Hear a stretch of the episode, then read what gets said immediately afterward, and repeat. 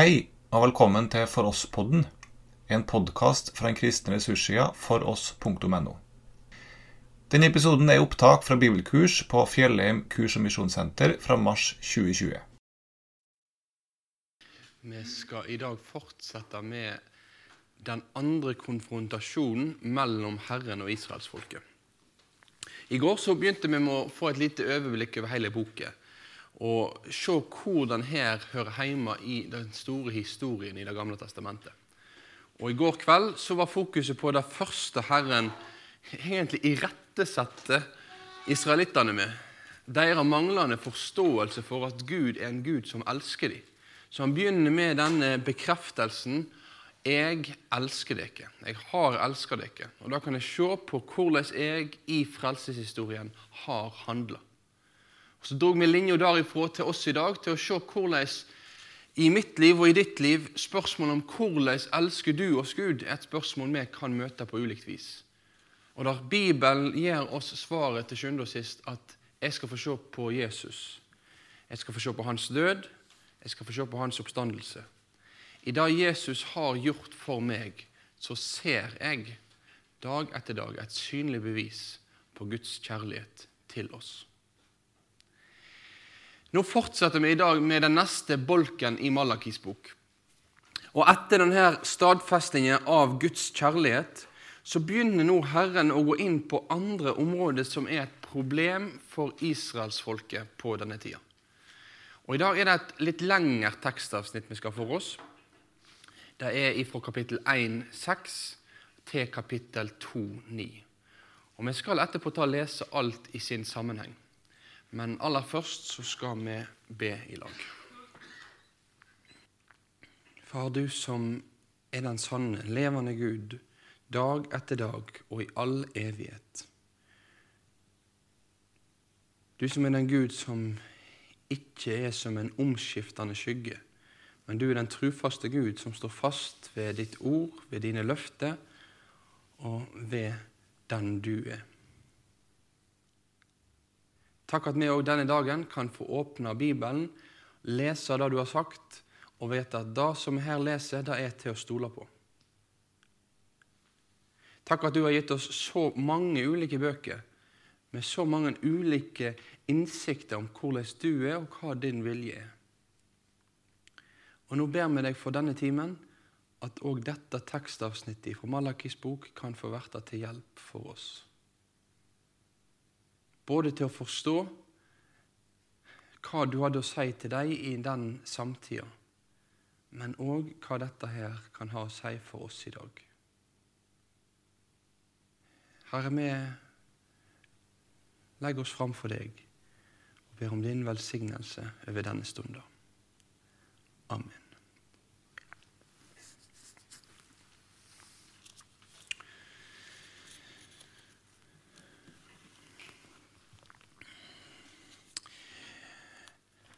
Nå skal vi Jeg tror vi skal lese sammen teksten aller først. Eh, Malaki 1, vers 6 til kapittel 2 og vers 9. Så skal jeg gå inn på han litt etter hvert. Så sier Herren, en sønn hedrer far sin, en slave herren sin. Er jeg far, hvor er da min heider? Er jeg herre, hvor er ærefrykt for meg? sier Herren over herskarene, til dykk prester, det som viser forakt for mitt navn. Det sier, hvordan har vi vist forakt for navnet ditt? Det ber fram uverdig mat på alteret mitt. Det sier, på hva måte har vi handla uverdig mot deg? Ved å si, Herrens bord kan vi vise forakt. Når det bærer fram et blindt dyr til offer, er ikke det gale? Når det kommer et dyr som er halvt eller sjukt, er ikke det gale? Hva om du kom med slik til stattholderen din? Tror du han da setter pris på deg og tar vennlig imot deg? sier Herren over herskarene. Og nå, be om velvilje for Guds anslett, så viser han oss nåde. Men når det kjem slikt fra dykker Han, kan han da ta vennlig imot deg, sier Herren over herskarene. Om bare noen av dere ville stenge tempeldørene, så det ikke til fånyttes kveikje eld på mitt alter. Jeg har inga glede av dykk, sier Herren over herskarene. Jeg setter ikke pris på offer for dykker hånd. For der sol står opp, til der sol går ned, er mitt navn stort mellom folkeslaga. Alle stader blir det tent offereld og båret fram reine offer i mitt navn. For navnet mitt er stort mellom folkeslaga, sier Herren over hærskarene. Men det vanhelger det. Når det sier at Herrens bord er uverdig, at maten på det er forakt eller frukt. Det sier 'for et strev', og bles av det, sier Herren over hærskarene. Det kommer dyr som er røva, og med dyr som er halte eller sjuke, når det kommer offer. Skulle jeg sette pris på noe slikt for dykkar han, sier Herren, Forbanna er den som fer med svik, som har et hanndyr i buskapen og lover å gi det til Herren, men i staden ofrer et dyr som er skadd. For jeg er en stor konge, sier Herren over hærskarene. Navnet mitt er frykta mellom folkeslaga. Og nå, prester, til dykk er dette både vil de ikke høre og ikke legge deg dette på hjertet, så det gjev navnet mitt ære, sier Herren over herskarene, da sender jeg forbanning mot dykk. Ja, jeg forbanner dykkar velsigning. Jeg har forbanna henne, fordi hun ikke ligger dykk på hjertet. Sjå, jeg truger etter dykkar. Slakteavfall fra festene dykkar kaster jeg i andletet på dykk, og sammen med det skal det bærast bort. Da skal det kjenne at det er jeg som har sendt dykk dette både, som i pakt med Levi kan stå ved lag, sier Herren over hærskarene. Mi pakt med Han var liv og fred, som jeg gav han. Han skulle ha ærefrykt for meg og skjelva for navnet mitt. Sann rettleiing var i hans munn. Det fantes ikke svik på leppene. I fred og rettferd vandra han med meg og fikk mange til å vende om fra skyld. For prestens lepper tek vare på kunnskap. Rettleiing skal en søke fra hans munn, for han er sendebåd fra Herren over herskarane. Men det har bøyd av fra vegen. Det har gjeve slik rettleiing at mange har snubla. Det har bråte Levipakta sier Herren over herskarane. Difor gjer jeg dykk ynkelige og forakta av hele folket. For det følger ikke mine veier, men gir skil på folk når det rettleier. Amen. Den andre konfrontasjonen. Herren begynner med å understreke det viser forakt for meg. Og han henvender seg nå til prestene i folket. Prestene svarer 'Hvordan har vi vist forakt?' Og så kommer Herren da med sin forklaring. Da beskriver Herren hva er det problemet til presteskapet i Israel er. Og Nå kan det være nyttig at vi har et lite sånn rammeverk med oss. I går så tegner jeg opp at når vi skal forstå Malakis bok, så må vi forstå den på bakgrunn av Moseloven. Og vi må forstå den inn i den samtid dette har vært sagt. Men det er en del sånne kategorier som for en jøde som las dette her, og hørte dette her første gangen, var helt selvsagt. For oss ligger det kanskje litt lenger bak, så vi må repetere litt. Israelsfolket består av tolv stammer. Og Gud han hadde ordna det sånn at ei av disse tolv stammene, Levi-stamme, altså etterkommerne av Levi, de skulle ha ansvar for tjenester i tempelet. Det ser ut som at Moseloven, altså etter, etter utgangen av Egypt Siste landeplaga i Egypt det er jo at Gud tar livet av den førstefødde, aller førstefødte i Egypt. Og etter det så sier han at den, det førstefødte skal tilhøre meg. Så den førstefødte i hver familie skal tilhøre Herren, og så skal den da bli løst ut med en lov som blir beskrevet for oss i Moseloven. Han skulle tilhøre Herren, men i stedet for at hver førstefødt rundt omkring i hver eneste familie skulle gå inn i prestestanden, så er det sånn at Gud nå ordner det at ei av stammene, Levi stamme, det er den stammen som skal være prestestammen. Det er den stammen som skal ha ansvar for tjenester i tempelet. Og Det kan være interessant å merke seg i dag at det er én konkret historie fra utgangen av Egypt der Levi har en spesiell rolle. Og Det er rett etter at gullkalven blir satt opp, og Moses kommer ned fra fjellet. Da spør Moses når han kommer ned, det som står på Herrens side, dra sverd. Og hvem er det som drar sverd? Jo, det er Levis stamme. Det er ikke sånn at den teksten blir brukt så mye sånn direkte videre i Bibelen, men den ser ut til å understreke at Levis stamme Selv om også Aron, som bygde denne gullkalven, han var jo en av krumtappene i denne stamma. Men det var ei stamme som fra tidligere av hadde et ansvar og så seg et spesielt kall å følge Herren. Så presteskapet i Israel det var levittene og Aron sine etterfølgere Aron sine sønner, barnebarn, oldebarn osv. de var prestene. Så vi har et presteskap. Nå skriver vi opp Gamle testamentet her, så skriver vi opp Nytestamentet her. Et presteskap som da består av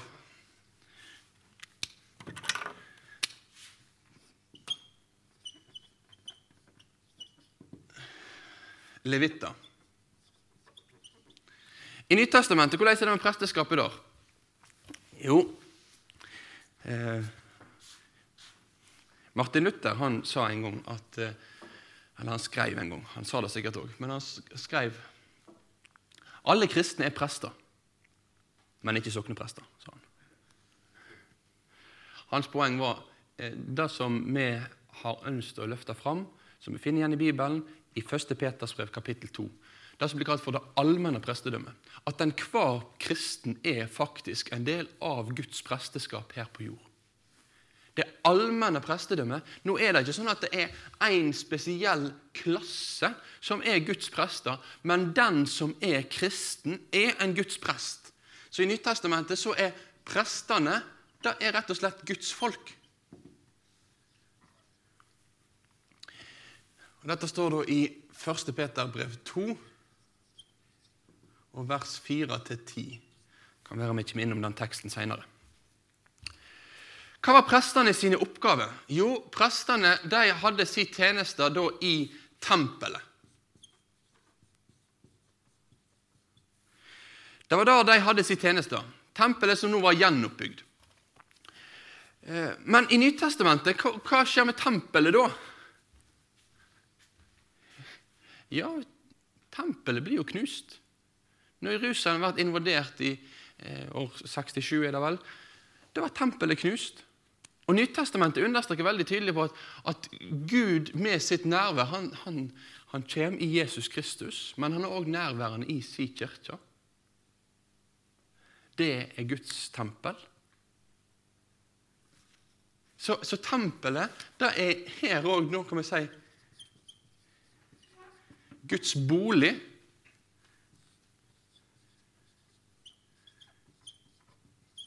Det er noe knytta til Guds folk. Men hva var det eh, levittene og prestene skulle gjøre i tempelet? Jo, det skulle foregå ofringer.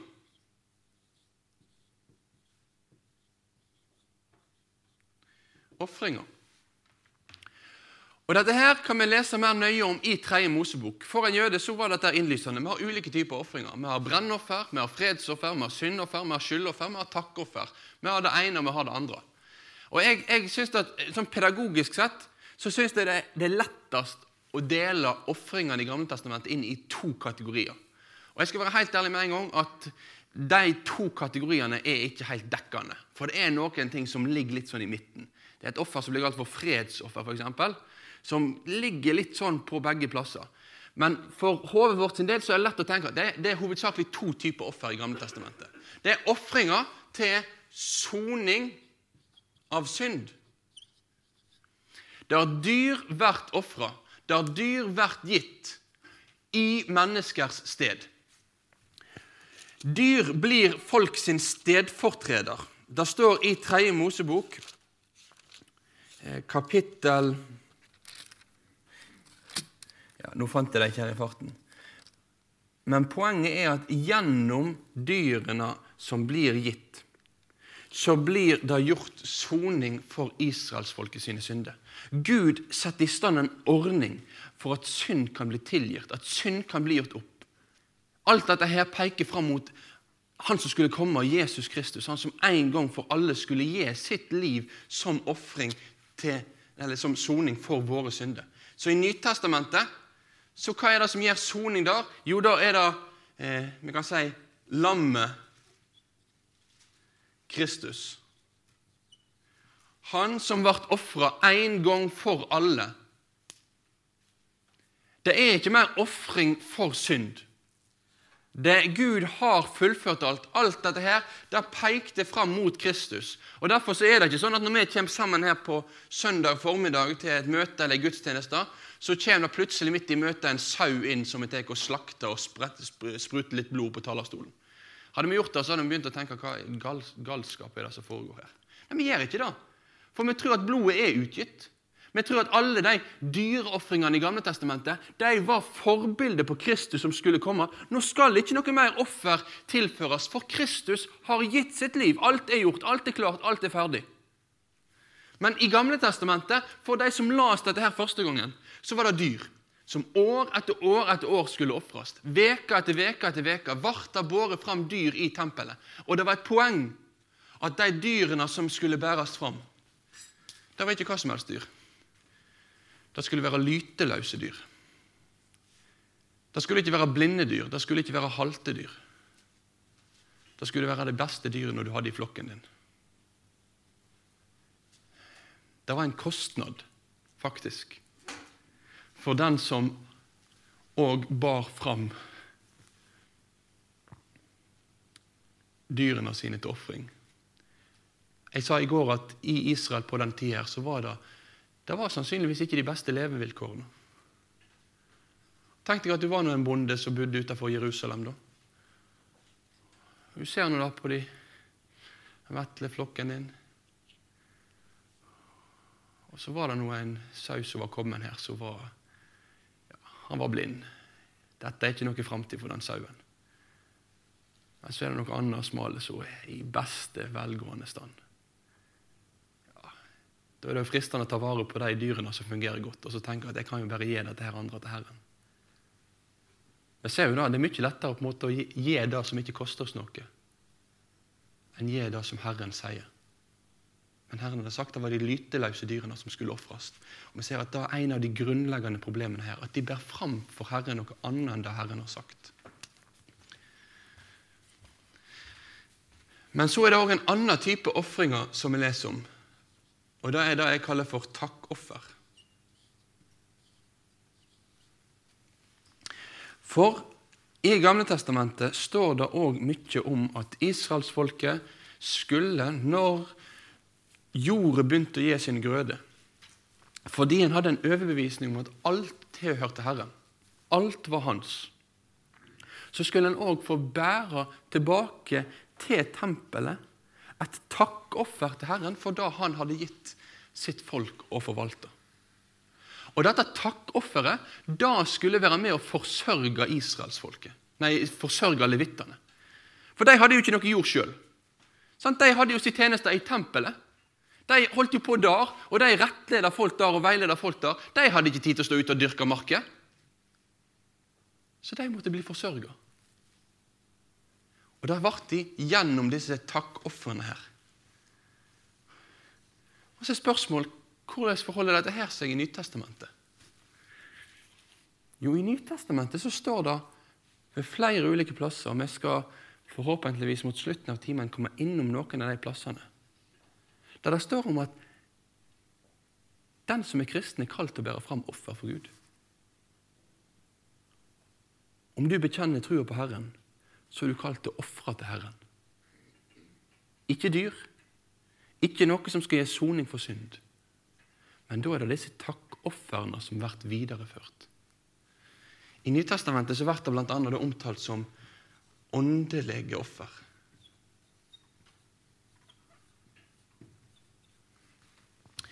Grunnen til at jeg tar med dette rammeverket her nå i starten og bruker litt tid på det, det er at vi må trenge inn i den tanken som var for en jøde som hørte dette første gangen. Og Når vi skal dra det over til vår tid, så må vi huske at disse ulike kategoriene, med presteskapet, med tempelet og med de ulike typer ofringer, da blir dratt videre i Nytestamentet på litt ulike måter. Og det er nyttig for oss å ha med oss.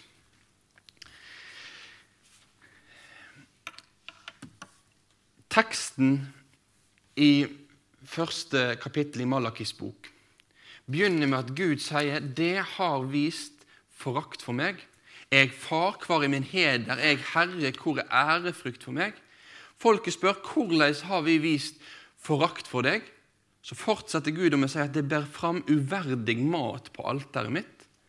Så står det da om disse ulike blinde dyrene som de ofrer.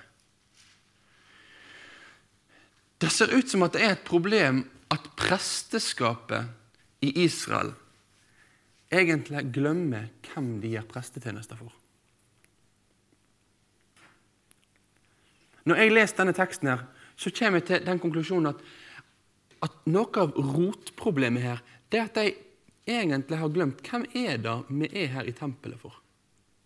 Hvem er det vi tilhører? Hvem er det vi er kalt å tjene? Hvem er det som er vår Herre? For Gud han begynner her å understreke ja, men er jeg far? Er jeg herre? Er jeg sånn? Er jeg sånn?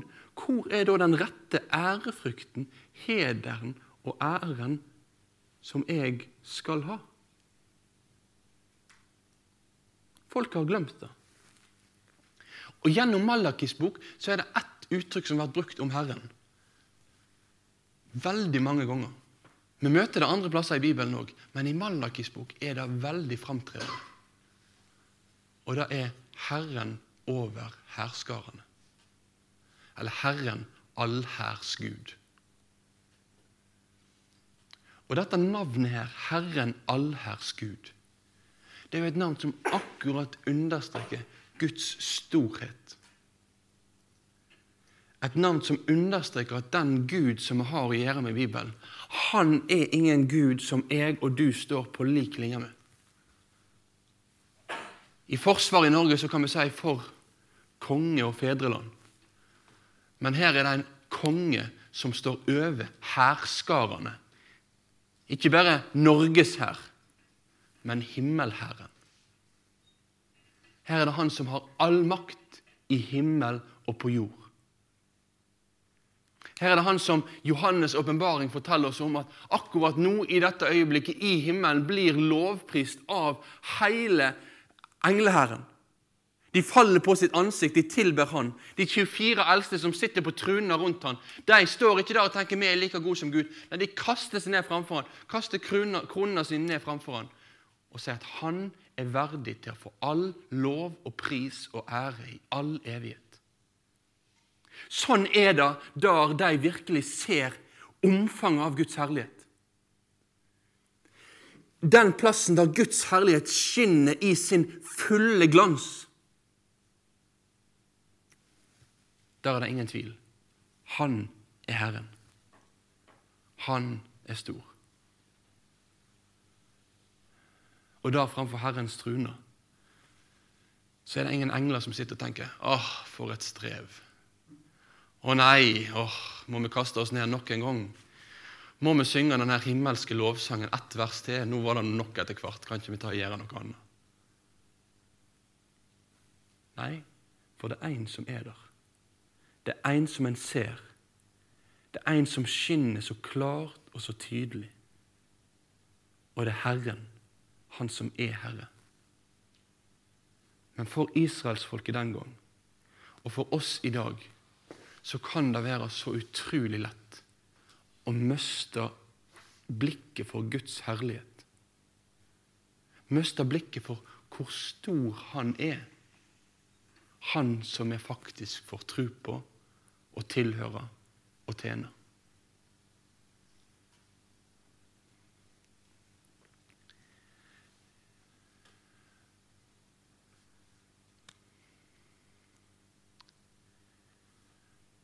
Hva er kristenheten sitt store problem? Da har det vært mange mennesker som har meint mye om opp gjennom historien. Og jeg tror det er veldig vanskelig å sette to streker under svaret på noe. Men jeg vil si at ett stort problem det er at vi mangler forståelse for at Gud er Gud. At vi mangler forståelse for hva det vil si at Gud er sånn som han har sagt at han er. At vi drar Gud ned til vårt nivå, og kanskje prøver å heise oss sjøl opp til hans nivå. Når realiteten er at han er Gud, og jeg er Guds skapning. I ett og alt fullstendig avhengig av Han.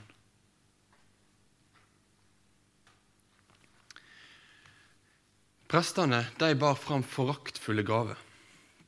De bar fram gave til Herren som var noe annet enn da han hadde spurt etter, og som egentlig viste at de til sjuende og ikke brydde seg noe særlig om han. Her er jeg bilde av ei, ei julegave. Kanskje hvis du hadde fått den her av et barn eller et barnebarn som hadde pakka inn sin første julepresang, så tenkte du ja, dette var flott. Og kanskje Kanskje det kunne være sånn at noen kvinner hadde opplevd at dette var flott hvis mannen min hadde gjort det òg, for tydeligvis har han for første gang i sitt liv pakka inn en julepresang. Men hvis dette her hadde vært en person som du vet at er så flink i å pakke i sine presanger Når de pakker inn noe, så kan det ha vært det så bra, det kan vært det så flott, det kan vært det med fine sløyfer og lapper og det ene og det andre, og så plutselig på julaften så ser du at det ligger slengt en pakke under treet med litt løsrevet papir og ingen lapp på. Og så sier da ektefellen din til deg at ja, her er julepresangen til deg så sier det her noe om at jeg bryr meg ikke. Jeg kunne ikke brydd meg mindre. Jeg har mer enn nok med andre ting å holde på med. Om jeg ikke skal holde på å tjene deg.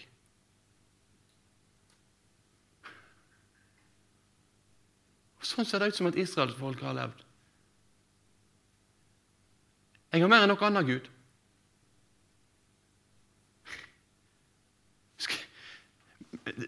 Gud, du har fått med deg da at Jerusalem er i et kaos nå. Skal vi ha tid til å tjene deg midt oppi dette her? Nei. Skal vi ha tid til å ta de beste dyrene våre? Du ser jo hvordan det står til med, med budskapene våre. Vi har jo ikke så mye dyr.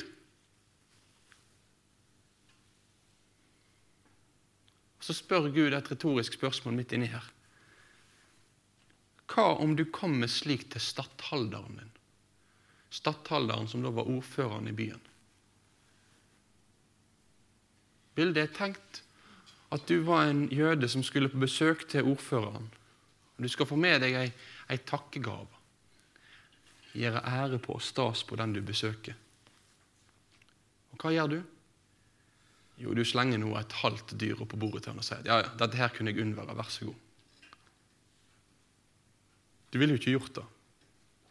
Hvis kong Harald hadde kommet på besøk Kanskje kommer kongen, kommer kongen hit til middag nå i dag. Vi har dekket på perrongen med god mat av alle slag. ikke det sånn det heter i denne Knutsen og Ludvigsen-sangen? Og så står det etterpå tørre brødskiver og sur melk. Nei, det er ikke det som står majones og gåselever og et eller annet. Så fortsetter utover. Det er liksom det beste av det beste av det beste. Kongen kommer. Nå skal vi få diske opp til han. Men for Guds folk så var det ikke det beste. For Guds folk så var det bare et slit egentlig med hele tjenesten. Og Det er det som da kommer fram når vi kommer til kapittel 1 og vers 13. Når det står at de setter vanhellige Guds bord, maten de eter, foraktelig frukt, så står det at det sier 'for et strev', og bles av det. Presteskapet ser ut til å ha mista enhver forståelse av at den tjenesten de fikk stå i, det var et stort privilegium gitt av Gud. Det ser ut til at de har mista enhver forståelse av at tenk Tenk vi får gjøre vår tjeneste i Guds tempel, for Hans ansikt, dag etter dag. Tenk at Gud han sørger for oss med at vi faktisk får mat gjennom disse her nådefulle, gode offerordningene som også inkluderte disse takkeofrene. Tenk at Gud vil ha meg hos seg.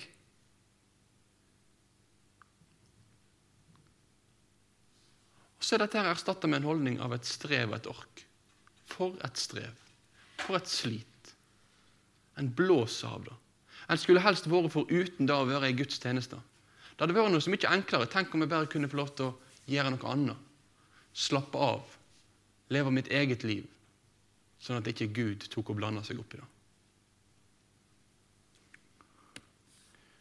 Og Så har jeg tegna opp denne tegningen her òg, for at jeg, når jeg nå forklarer hvordan det var i Gamle Testamentet, ønsker at jeg skal prøve å trekke noen tråder inn til oss i dag. For når det i Nytestamentet da er sånn at hele Guds folk er prester Kan det være at det som preger presteskapet på Malakis tid, òg preger oss i dag? Glemmer vi hvem vi er prester for?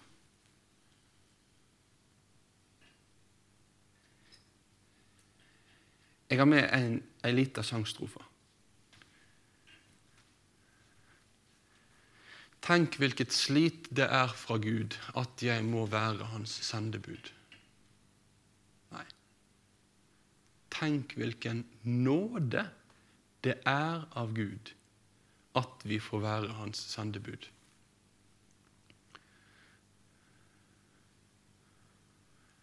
I Misjonssambandet så en veldig ofte glad i å synge en sang som heter 'Din rikssak Jesus være skal'.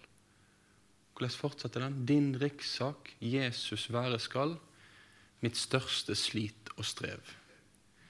Dessverre fikk jeg nå ditt kall, og må da være med. Nei. Din rikssak Jesus være skal, min største herlighet. Takk at jeg også fikk ditt kall og skal få være med. Uverdig er jeg, Herre kjær, å stå som lem i rikets hær. Men du som gav meg vennenavn og tok meg ømt inn i din favn, vil gi meg kraft til å gå hvor du har sagt. Hvorfor tar jeg med disse versene? her? Jo, jeg tar med disse versene her fordi de setter ord på den, den store nåden, den store gleden er tenk at jeg får av nåde tilhøre Kristus, være hans. At Herren over herskarene ikke bare er en fjern Gud, men han er min Gud. At Herren over herskarene, han som styrer verdenshistorien fram mot dets mål Tenk at han vil ha deg og meg i sin tjeneste. Den du er, med alt det du er så skal du få være hans.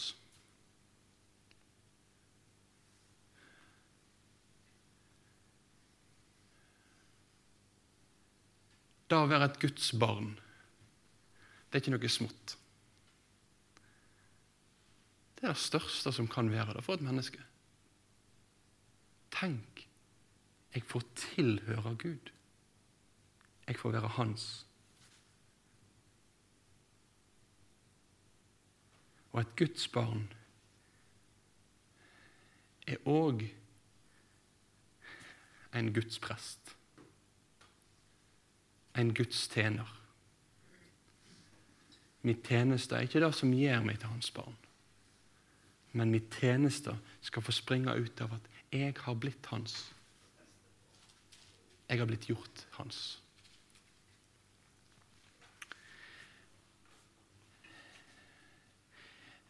I tillegg er det ett problem til som israelsfolket sto midt oppi. Én ting var at de viste forakt for Guds navn. Men det andre, som ligger under overflata her, det er da at de med dette her nå egentlig òg vraker Guds gode ordning for soning av synd. Gjennom Det gamle testamentet så er det ganske mange ganger at vi ser at israelsfolket de bestemmer seg for at Guds offerordninger de er det ikke så nøye med. Israelsfolket kan også bestemme seg for at dette her med hvordan vi nærmer oss Gud, kommer inn i hans nærhet. Han har sagt noe om det, men det er egentlig ikke, til sjuende og sist ikke så veldig nøye med det. Og så reagerer Gud veldig kraftig. Han reagerer veldig kraftig hvis mennesket nærmer seg han på feil måte. F.eks. når en person nå tar borti paktkista til Herren. For at Et menneske kunne ikke nærme seg Gud på den måten. Når de for øvrig også gikk rundt og dro Guds paktkiste på ei kjerre, når Gud uttrykkelig hadde sagt i Moseloven at den skal bæres på stenget, sånn at vi er sikre på at den blir holdt, og den ikke raser over ende. Men òg dette her med at ofringene ah, Kan det nå være så nøye? Er det nå egentlig så nøye at vi gjør det akkurat sånn som Herren har sagt det? Ja, Vi ser at når israelsfolket begynner å vike av på dette, her, så går Gud i rette med dem. Og Jeg kan av og til tenke sånn med første øyekast Ærlig talt, er det noe så nøye om det er et halvt dyr, eller et blindt dyr, eller et velfungerende dyr som blir ofra? Og Så kan da den postmoderne Ingvald begynne å tenke ja, men er nå ikke alle dyrene like mye verdt. da? Er det ikke sånn at det er like verdifullt det dyret som da har, er halvt, som, som det som ikke er det? Og jo, på, på, mange måter man kunne si at det er like verdifullt, det, det er like mye et dyr. Men Herren har sagt at det skulle være et lyteløst dyr. Og sånn som jeg forstår det, så er det i dag et forbilde fram mot Jesus. At han som skulle være det endelige offerlammet, han skulle være uten flekk og lyte. Han skulle være den fullkomne, uten synd, som skulle gi sitt liv. Så Gud han, han er den Gud som faktisk da til sjuende og sist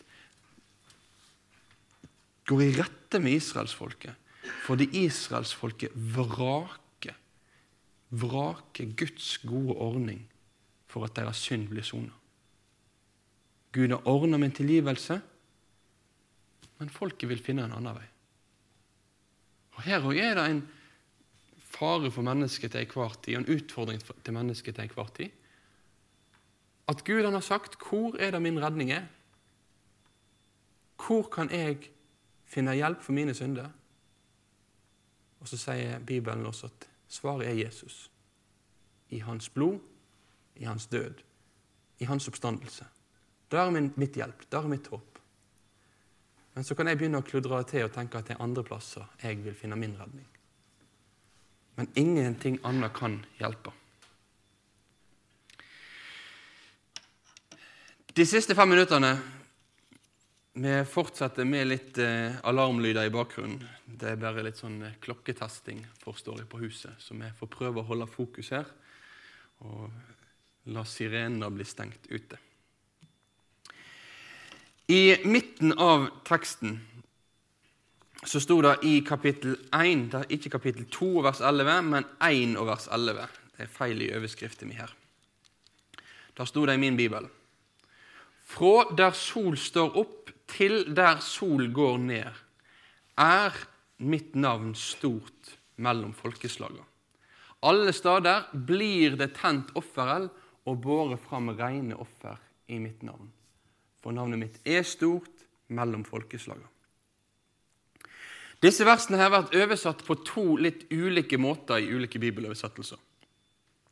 Noen bibeloversettelser velger å oversette det med at Guds navn er stort mellom folkeslagene, mens andre bibeloversettelser velger å oversette det med at Guds navn skal bli stort mellom folkeslagene.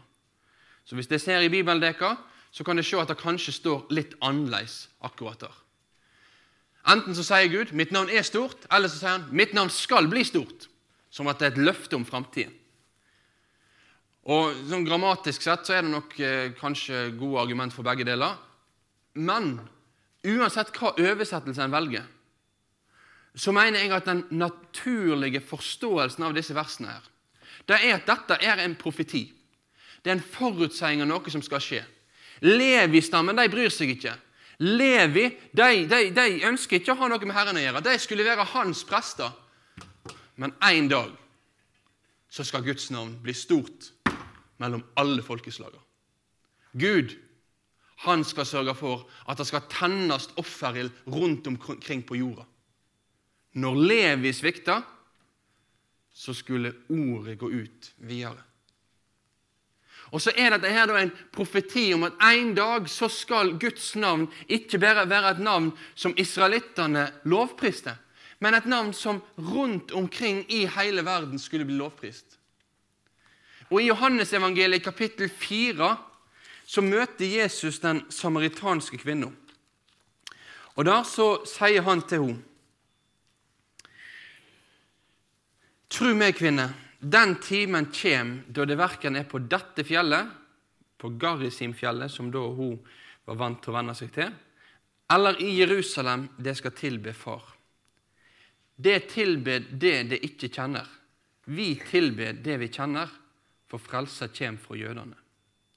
Så står det Men den timen kjem, ja, han er alt kommen, da de sanne tilbederne skal tilbe Far i ånd og sanning.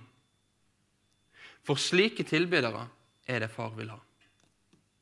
Så nå skulle ikke det lenger være knytta til tempelet i Jerusalem. Men nå skulle folk rundt omkring i verden, der en var, tilbe Gud i ånd og sannhet. Og nå så sier Jesus også i denne sammenhengen at den tida er nå. Med Jesus så er det noe sånn at der jeg er, i min hverdag, i mitt liv, så skal jeg få tilbe Herren, tro på Herren og leve mitt liv i tjeneste for Herren.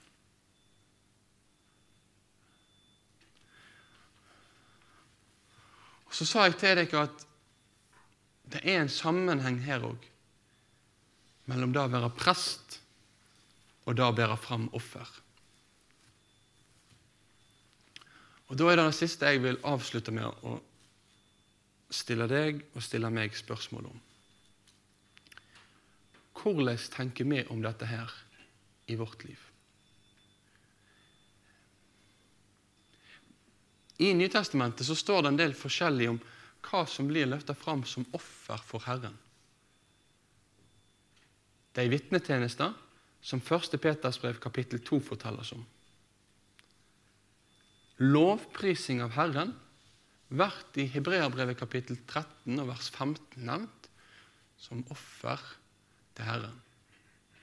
Og i verset etterpå så står det om å gjøre godt mot vår neste og å dele med andre. Og Vi kunne gått til andre tekster også i Nytestamentet som viser oss hvordan Guds vilje og det å handle i samsvar med Guds vilje, det blir beskrevet som offer for Herren.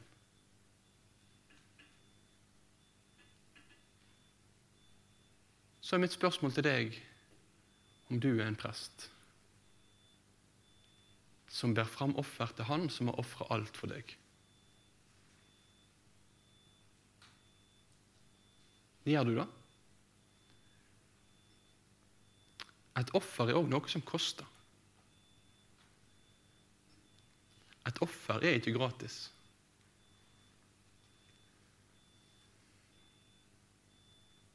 Men det var ikke gratis for Kristus, som har ofra alt for deg.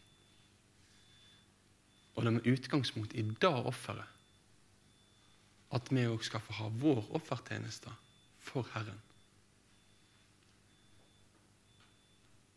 Og jeg må faktisk personlig si at en av de tingene som jeg jeg syns er litt uh, dumt at vi mister i bedehusbevegelsen. Det er en del av den kirkelige språkbruken. Én konkret sak det er at når jeg går på ei gudstjeneste i kirka, så er det offer. Når jeg går på bedehuset, så er det kollekt. Ja, hva er kollekt, da? Det er en, det er en, vi samler noe. Men et offer, det er faktisk en bibelsk språkbruk om at jeg, som har blitt gitt alt av Herren, av hans eie, nå skal få gi han tilbake. Og det er noe fint. Tenk at jeg skal få tjene han som har tjent meg, og som har tjent deg. Nå skal vi gi oss. La oss be kort. Far Hjelp oss til å se storheten i hvem du er, storheten i hva du har gjort, og storheten i at vi fortjener deg. Amen. Du har nå hørt opptak fra bibelkurs fra Fjellheim kurs- og misjonssenter. Du finner mange andre opptak med undervisning på foross.no.